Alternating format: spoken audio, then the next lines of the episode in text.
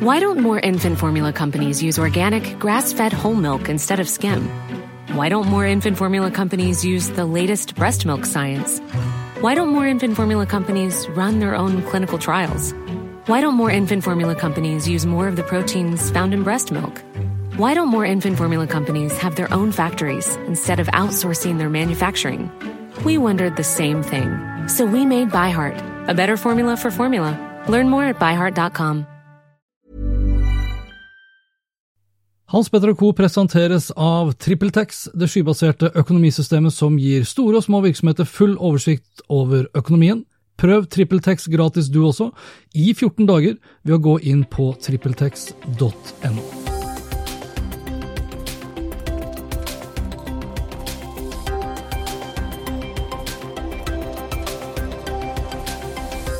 I denne episoden her så får du blant annet høre mer om disse sakene. Er det penger å tjene? Er det åpenbart helt innafor å drite i alt fra personvern og menneskerettigheter? Dagsavisen vokser mest for fjerde måned på rad når det kommer til deling av nyheter i sosiale medier. Og Norges ti største magasiner har mistet en halv million lesere på bare ett år. Velkommen til Hans Petter og co. Jeg heter Hans Petter, og denne episoden ble spilt inn onsdag 16. oktober. Lenker til alt jeg har snakket om og øvrige innslag finner du på hanspetter.info. Jeg begynner denne episoden her med storyboard, øh, og som du kanskje husker fra tidligere episoder, eller hvis du følger med på hanspetter.info, så legger jeg ut hver måned en oversikt over topp ti nyhetsnettsteder i Norge, basert på hvor ofte nyhetene deres blir delt i sosiale medier. Og nok en gang, for fjerde måned på rad faktisk, så er det Dagsavisen som vokser mest, når jeg da ser på september 2019 mot september 2018. Hele 216 vekst endte det med, mens Nettavisen kom på andreplass med 72% vekst, etterfulgt av det alternative nyhetsnettstedet Resett på tredjeplass med 67% vekst.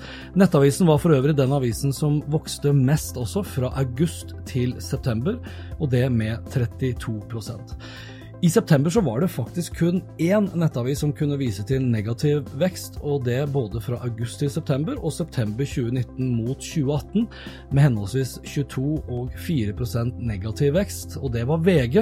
Og vi må faktisk tilbake helt til april 2019 for å finne VG lengre ned på topp 10-lista enn femteplass. Men hva spiller det egentlig for rolle, når VG fortsatt er Norges desidert største nettavis med nesten 2,3 millioner lesere, noe som er nesten dobbelt så mange som nummer to og tre på listen, henholdsvis Dagbladet og VG. Hva gjelder deling i sosiale medier, så er det derimot NRK som er størst, og det har de vært i hele år. Statskanalen har om lag 20% markedsandel når jeg ser da på topp 10-listen, og i september så vokste også avstanden mellom NRK og VG, som under ett i 2019 er på en klar andreplass. Nok en gang så er det kun to alternative nyhetsnettsteder inne på topp 10-listen. Det er Resett, som vokste som sagt med nesten 70% år over år, og dokument.no, som vokste med 65% Og én ting er jo delinger totalt. Antall delinger per nyhetssak er derimot en helt annen. NRK har flest delinger totalt, men forholdsvis få delinger i gjennomsnitt per nyhetssak. NRK har et snitt på 138 delinger per nyhetssak, mens rights.no skilte med over 2000 delinger i snitt, etterfulgt av Sosialnytt med 1936 for å være nøyaktig, og Newsner med 1223 delinger i gjennomsnitt per sak som de legger ut. Og hva gjelder hvilke saker vi engasjerte oss mest i i løpet av september, så er det nok en gang de mer sensasjonelle nyhetene som deles hyppigst. Nettavisen kom ut på førsteplass i september med en sjokkrapport som viser til at nye dieselbiler kan rengjøre luften. På andreplass kom Dagbladet med en sak om at ekstreme holdninger pakkes inn som norske verdier, mens TV 2 kom på tredjeplass med gladsaken om en indisk sanger som arrangerer landets første prompekonkurranse. Av samtlige topp ti-delte nyheter i september, så er det jo ikke overraskende at det er mest av alt saker som vekker følelser i oss. Det skaper engasjement og ikke minst delinger. Og det er stadig flere temaer som vekker følelser, og da kanskje mest av alt de negative følelsene. Innvandring f.eks. er en gjenganger, eldreomsorg en annen. Men i det siste så har også klima blitt en het potet, og det samme gjelder også vegansk kosthold. Om litt så skal du få høre mer om at vi i Vesten driter i menneskerettigheter så lenge det er penger å tjene i Kina, men først det her. Jeg tror det er stor sannsynlighet for at du som hører på vil få behov for check-in, et norsk påmeldingssystem som hjelper deg å bruke mindre tid på administrasjonen av ditt seminar eller konferanse, og mer tid på å skape det beste arrangementet.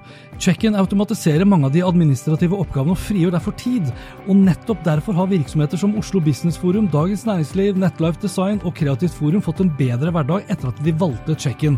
Sjekk ut check-in nå på check-in.no slash Hans Petter. Norges ti største magasiner har mistet eh, nesten en halv million lesere på ett år, eller 450 000 skal vi være litt mer nøyaktige, og det er det kampanje som skriver 15. oktober. Magasinlesingen går tilbake med 11% ifølge de ferske lesertallene fra Kantar. Fire magasiner i undersøkelsen øker for så vidt antall lesere, mens 66 magasiner går tilbake sammenlignet med samme periode i fjor. Og det som kanskje er mest oppsiktsvekkende, er at det ikke lenger bare er de unge som nå ser ut til å forlate papirmagasiner, eller papir generelt, til fordel da for mobilen. Hjemmet eksempel har mistet over 100 000 lesere på ett år, og det er en nedgang på nesten 25% og det samme gjelder for Se og Hør, som mistet over 90 000 lesere i løpet av det siste året. For to år siden var Se og Hør det største magasinet her til lands, i dag er til og med Donald Duck større. Størst er Illustrert vitenskap med nesten 400 000 lesere, men de har også nesten mista 100 000 lesere i løpet av året som har gått. Konkurrenten til Se og Hør, Her og Nå, de har rett under 200 000 lesere etter at nesten 40% av leserne har forsvunnet i løpet av 2019.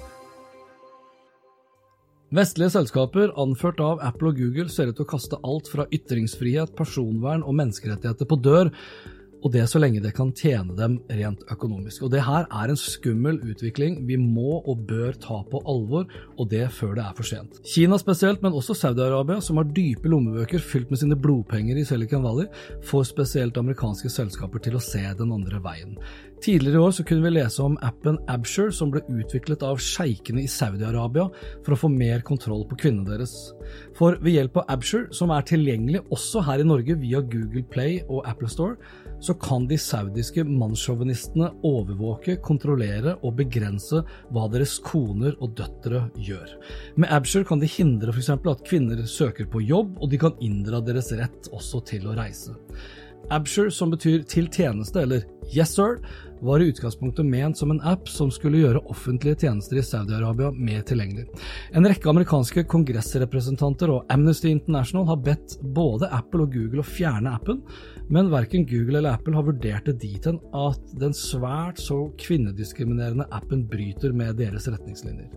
Pengene får åpenbart Google og Apple til å vende det andre kinnet til. Saudi-Arabia har investert flere titalls milliarder av kroner i Silicon Valley-selskapet, som bl.a. Uber, Lyft, Snap med flere. Men det er på ingen måte bare Saudi-Arabia som dikterer teknologiselskapene. Ikke overraskende får Kina stadig større innflytelse globalt, og det til tross for forbudet mot å drive business med f.eks. Huawei. Kina vet hva tilgang til 1,4 milliarder mennesker potensielt kan ha å si på lommeboka til Apple og Google og øvrige selskaper. I løpet av de siste månedene så har vi sett hvordan situasjonen f.eks. i Hongkong har utviklet seg. Og vi har også sett og hørt og lest hva Kina mener om den vestlige dekningen av demonstrasjonene. For et par måneder siden skrev Yi Chang-lang, som er Kinas ambassadør til Norge, et leserinnlegg i Aftenposten hvor han bl.a. beskyldte vestlige medier for å ha bevisst hvitvasket voldelige aktiviteter, samtidig som han påstod at det ikke var noen andre i verden som brydde seg like mye om Hongkong som det kinesiske folk. For kort tid siden så ble appen hkmap.live fjernet fra Apple Store. Appen lot folk i Hongkong følge protester og politiets bevegelser. Først så fjerna Apple den selv, fordi de mente den brøt med selskapets retningslinjer. Så ble den publisert igjen, for så å bli på nytt fjernet. Årsaken da var kort og godt at Kina krevde det. Det statlige mediehuset i Kina, People's Daily, publiserte en artikkel hvor de mente at appen er giftig og et svik, og at Apple må tenke på konsekvensene av sin ukloke og hensynsløse beslutning om å la en slik app være tilgjengelig. Apple har også fjernet emojien for flagget til Taiwan for brukere i Hongkong. Endringen kom med lanseringen av IOS 13, og tidligere så har også Apple valgt å fjerne det samme flagget for iPhone-brukere i Kina. Som kjent så vil ikke Kina anerkjenne Taiwan som et eget land. Det er kanskje noen som husker hvor mye bråk det ble da Donald Trump mot slutten av 2016 f.eks. snakket med Taiwans president. Tilbake til Apple igjen. For kort tid siden så ble det også kjent at Apple har begynt å sende deler av din og min browsing-historikk med det kinesiske selskapet Tencent. Apple har i flere år gjort tilsvarende med Google som en del av deres sikkerhetstjenester for å hindre at du og jeg besøker potensielle svindelnettsteder. Google har utviklet en sikker browsing-teknologi som Apple har benyttet seg av, og som har vært skrudd på som standard i alle IOS-enheter. At browsing-historikk også blir sendt til Tencent som standard, er en nyhet, hvis du vil, som ikke Apple selv har informert om. Det kan selvsagt være at dette kun gjelder brukere i Kina, men hvis du går inn på din iPhone, inn på innstillinger, Safari og klikker så på lenken om safari og personvern, så kan du bl.a. lese følgende på norsk.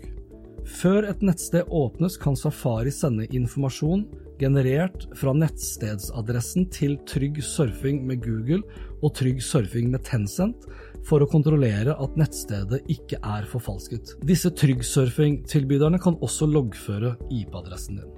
Og Tencent er ikke hvilken som helst aktør i Kina. Tencent er faktisk verdens største spillutgiver og verdens åttende største selskap.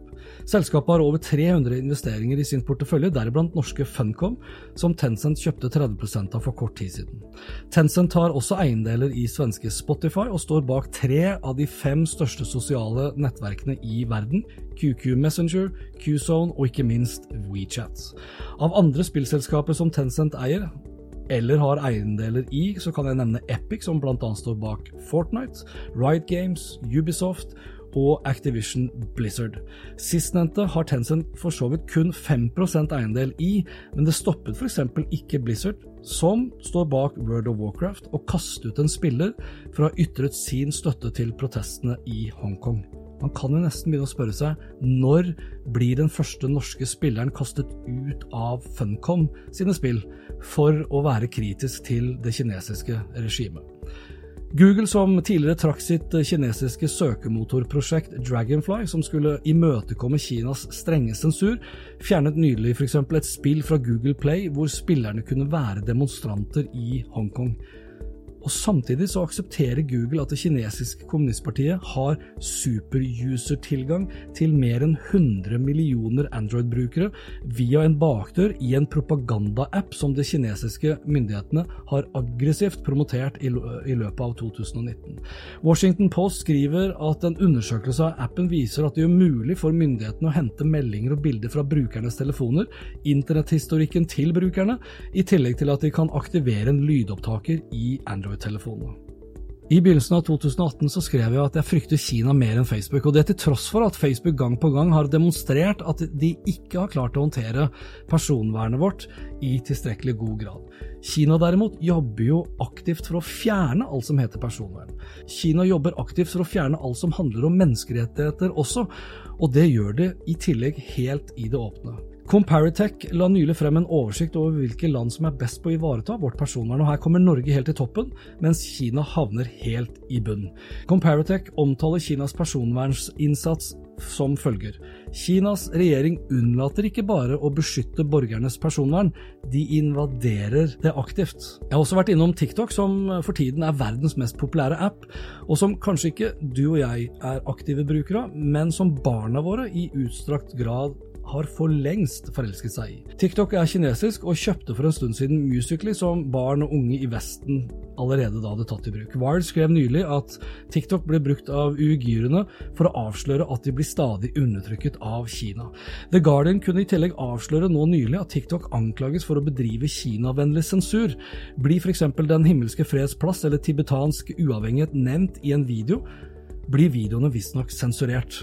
Til Aftenposten 15.10 så sier Torgeir Waterhouse at dette er et, nok et eksempel på grunnleggende problemstilling for internasjonale plattformer som TikTok, og at kinesiske interesser og verdier vinner frem, selv om de åpenbart kolliderer med vårt viktige prinsipp om ytringsfrihet. Av de 47 landene som Comparatech har laget en oversikt over hva gjelder personer, så kommer Kina på desidert sisteplass. Deretter kommer Russland, mens Saudi-Arabia ikke nevnes.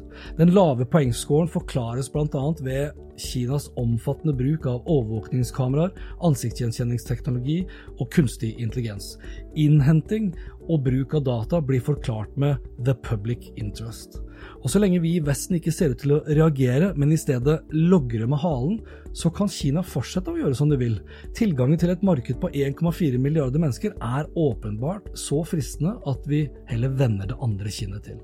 Her hjemme i det vakre og frie Norge har vi til og med gått så langt at vi nærmest har signert på en avtale med Kina om at vi ikke skal kritisere kinesiske interesser.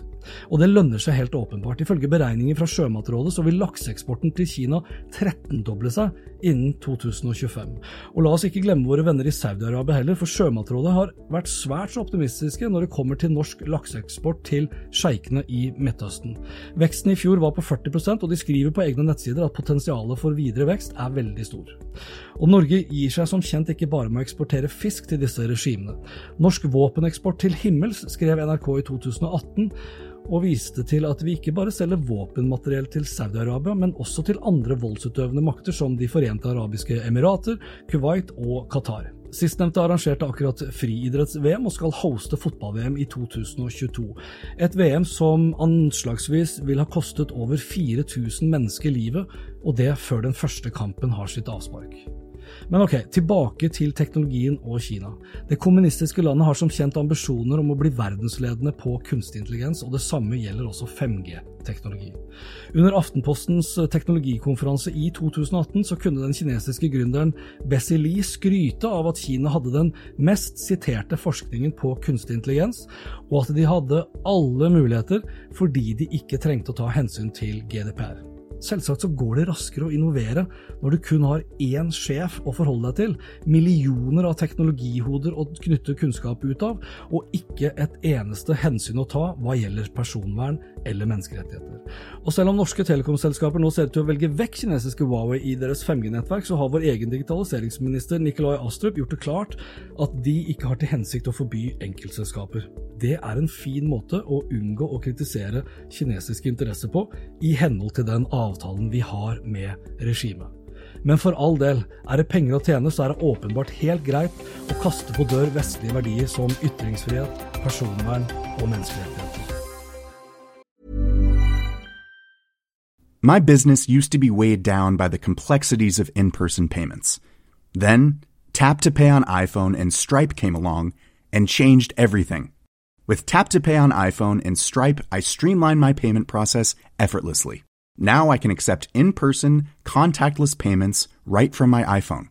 No extra hardware required. What's truly remarkable is how I can cater to all of my customers' payment preferences. Whether they're using cards, Apple Pay, or other digital wallets, Tap to Pay on iPhone and Stripe ensure a smooth checkout experience every time. And it's not just me. Stripe helps businesses of all sizes, from local markets to global retailers, scale quickly and stay agile. To learn how Tap to Pay on iPhone and Stripe can help grow your revenue and reach, visit stripe.com slash tap iPhone. Hiring for your small business? If you're not looking for professionals on LinkedIn, you're looking in the wrong place. That's like looking for your car keys in a fish tank. LinkedIn helps you hire professionals you can't find anywhere else, even those who aren't actively searching for a new job but might be open to the perfect role. In a given month, over 70% of LinkedIn users don't even visit other leading job sites. So start looking in the right place. With LinkedIn, you can hire professionals like a professional. Post your free job on linkedin.com slash achieve today. Jeg runder av denne episoden med et par kortere nyheter. Den dominerende plattformen for streaming av online spilling er utvilsomt Twitch som da eies av Amazon. Men det finnes også andre aktører. Google har sin egen dedikerte seksjon for online gaming, og Facebook har sin egen gaming-seksjon. I andre kvartal 2019 så hadde Facebook Gaming 153 000 aktive strømmere, mens Twitch hadde nærmere 3 millioner aktive i september.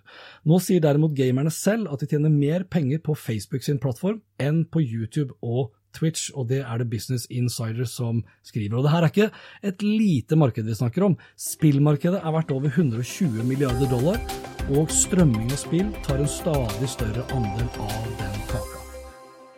Facebook eh, Libra ser eh, utvilsomt ut til å krasje. I alle fall så har kryptovalutaplanene til Facebook fått en veldig tøff start. Ikke bare kommer stadig flere myndigheter på banen med advarsler og varsel om reguleringer, men også flere Libra-partnere ser ut til å angre litt på at de ble med. Først ute var PayPal som trakk seg, deretter har eBay, Mastercard og Visa fulgt etter, og nå har også reiseselskapet Booking Holdings valgt å takke for seg. Da Facebook la frem planene om Libra i juni, så hadde de fått med seg 28 partnere og siktet mot 100. Nå begynner de i stedet å nærme seg 20. Ifølge Financial Times kan uroen føre til at Facebook ikke klarer å lansere Libra neste år. Og det skjer samtidig som Kinas sentralbank har kunngjort sine planer om å lansere en digital valuta som bl.a. skal kunne brukes gjennom Alipay og WeChat, som har flere hundre millioner brukere.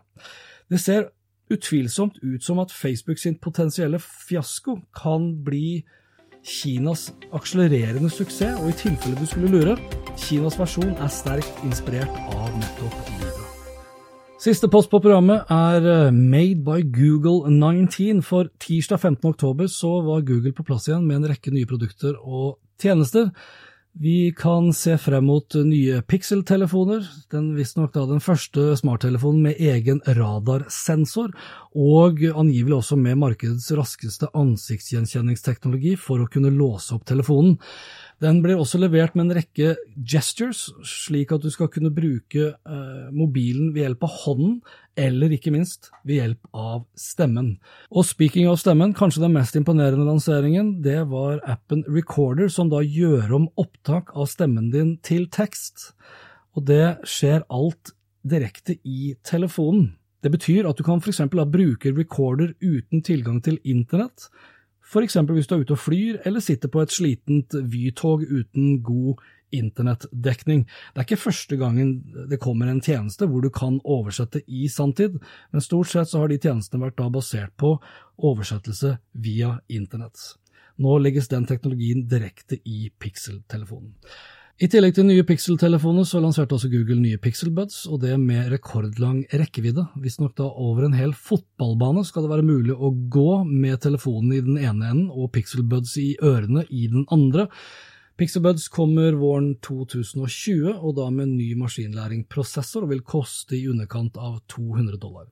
Det ble også lansert en ny utgave av Google Mini, eller Nest Mini som den da heter, og den er laget faktisk da av resirkulerte plastflasker, og er mye raskere enn Google Mini pga. en raskere prosessor, som også vil gjøre mer av jobben lokalt og mindre i skyen, og vil derfor bli raskere. I tillegg så dukket det også opp nye wifi-rutere, eller Nest Wifi, som da kommer i en two-pack, som inneholder en wifi-ruter og en wifi extender, og det skal visstnok da være nok i 85% av alle amerikanske husstander, og som i tillegg inneholder da en høyttaler og en Google Assistant.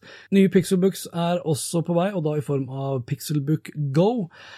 Det er en Chromebook som jeg virkelig vil si jeg ønsker meg sjøl. Digga formfaktoren, ser utrolig sexy ut, og som de var veldig opptatt av å skryte av, Ultra Quiet tastatur, og det tror jeg vel kanskje var et lite stikk til Macbook Pro. Prisen begynner på 649 i svart, eller da den andre fargen, fargen Not Pink. I tillegg eh, til eh, nye produkter og diverse andre tjenester, så var de også ute da, offisielt lanserte Stadia, Googles cloud-baserte spilltjeneste, som da vil komme til markedet 19.11. Og dette var det for denne gang. Likte du det du hørte og vil forsikre deg om at du får med deg de neste episodene, da kan du bl.a. abonnere på Spetter Co. på Apple Podcaster. Ellers er podkasten også tilgjengelig på Spotify, Acast, Google Podcast, Overcast og TuneIn Radio. Inntil neste gang, vær nysgjerrig, for det er den beste måten å møte vår digitale fremtid på. Hans Petter og Co. presenteres av TrippelTex, det skybaserte økonomisystemet som gir store og små virksomheter full oversikt over økonomien. Prøv TrippelTex gratis du også, i 14 dager, ved å gå inn på trippeltex.no. Hey, it's Danny Pellegrino from Everything Iconic. Ready to upgrade your style game without blowing your budget? Check out Quince. They've got all the good stuff shirts and polos, activewear, and fine leather goods, all at 50 to 80% less than other high end brands. And the best part? They're all about safe, ethical, and responsible manufacturing. Get that luxury vibe without the luxury price tag. Hit up quince.com slash upgrade for free shipping and 365 day returns on your next order. That's quince.com slash upgrade. My business used to be weighed down by the complexities of in person payments. Then, Tap to Pay on iPhone and Stripe came along and changed everything. With Tap to Pay on iPhone and Stripe, I streamlined my payment process effortlessly. Now I can accept in person, contactless payments right from my iPhone. No extra hardware required. What's truly remarkable is how I can cater to all of my customers' payment preferences. Whether they're using cards, Apple Pay, or other digital wallets, Tap to Pay on iPhone and Stripe ensure a smooth checkout experience every time. And it's not just me. Stripe helps businesses of all sizes, from local markets to global retailers, scale quickly and stay agile. To learn how Tap to Pay on iPhone and Stripe can help grow your revenue and reach, visit stripe.com slash tap iPhone.